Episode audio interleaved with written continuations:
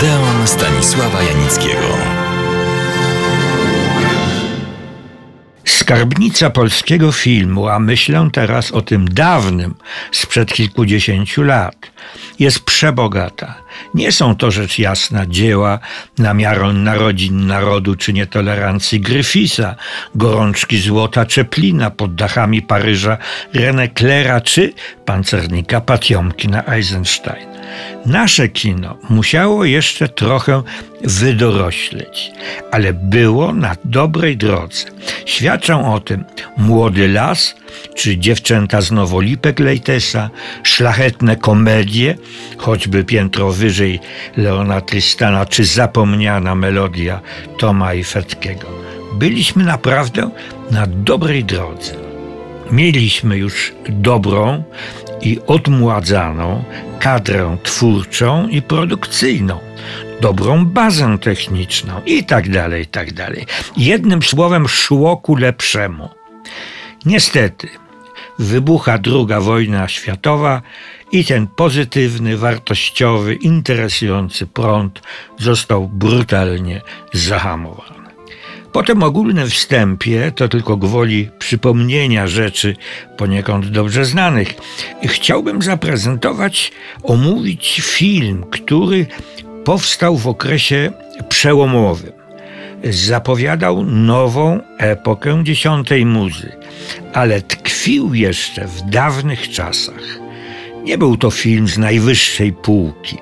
Był dobrze zrobionym filmem z kręgu psychologiczno-akcyjnego losy głównych bohaterów nie były bezpośrednio związane z aktualnymi dramatycznymi wydarzeniami, które w czasie wielkiego kryzysu ekonomicznego pozbawiły miliony ludzi pracy i chleba oraz spowodowały nędzę i śmierć wielu. Tak na marginesie. Były kinematografie, które te trudne problemy w najróżniejszy sposób podejmowały jedne wprost, inne trochę okrężną drogą. No, Hollywood to nie było tylko niezwykłe, fascynujące gwiazdy Greta Garbo czy Marlena Dietrich, ale także na przykład wstrząsający dramat Grona Gniewu, zrealizowana przez Johna Forda na podstawie znakomitej, znanej powieści Johna Steinbecka.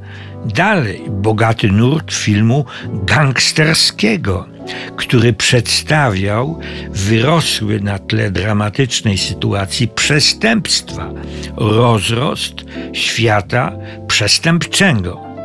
Najgłośniejsze filmy to Człowiek z blizną, Mały Cezar, Wróg publiczny. Warto może przy tej okazji powiedzieć, że ten nowy gatunek filmowy wszedł na trwałe do światowego repertuaru kinowego. Oddzielną kategorię stanowią dwa arcydzieła Czeplina. Dzisiejsze czasy, niezwykła, wprost genialna, choć nie lubię tego określenia, utrzymana w szlachetnym tonie komediowym.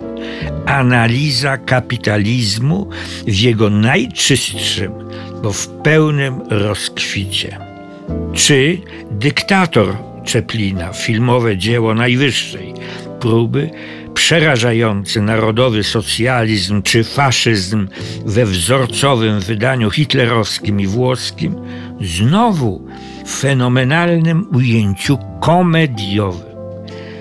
Wracam na domowe podwórko. Niestety nie mieliśmy takiej ilości ambitnych, świetnych filmów jak te, które przed e, chwilą wymieniłem.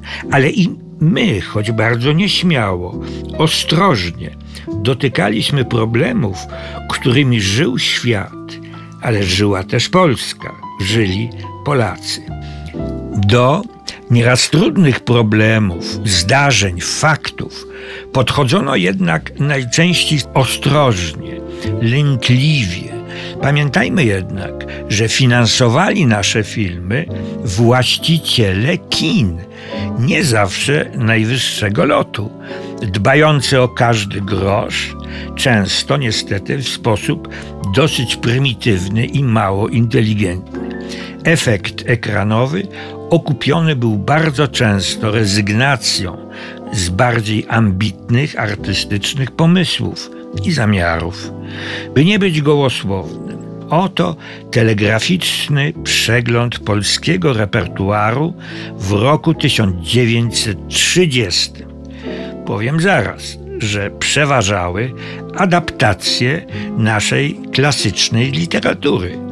Dusze w niewoli według Prusa, Janko Muzykant według Henryka Sienkiewicza, Moralność pani Dulskiej według Zapolskiej, Uroda życia według Stefana Żeromskiego i również według Żeromskiego Wiatr od morza.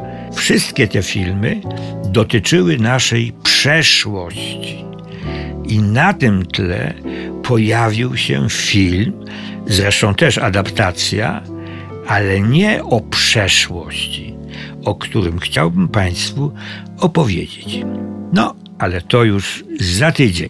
Serdecznie do Odeonu zapraszam.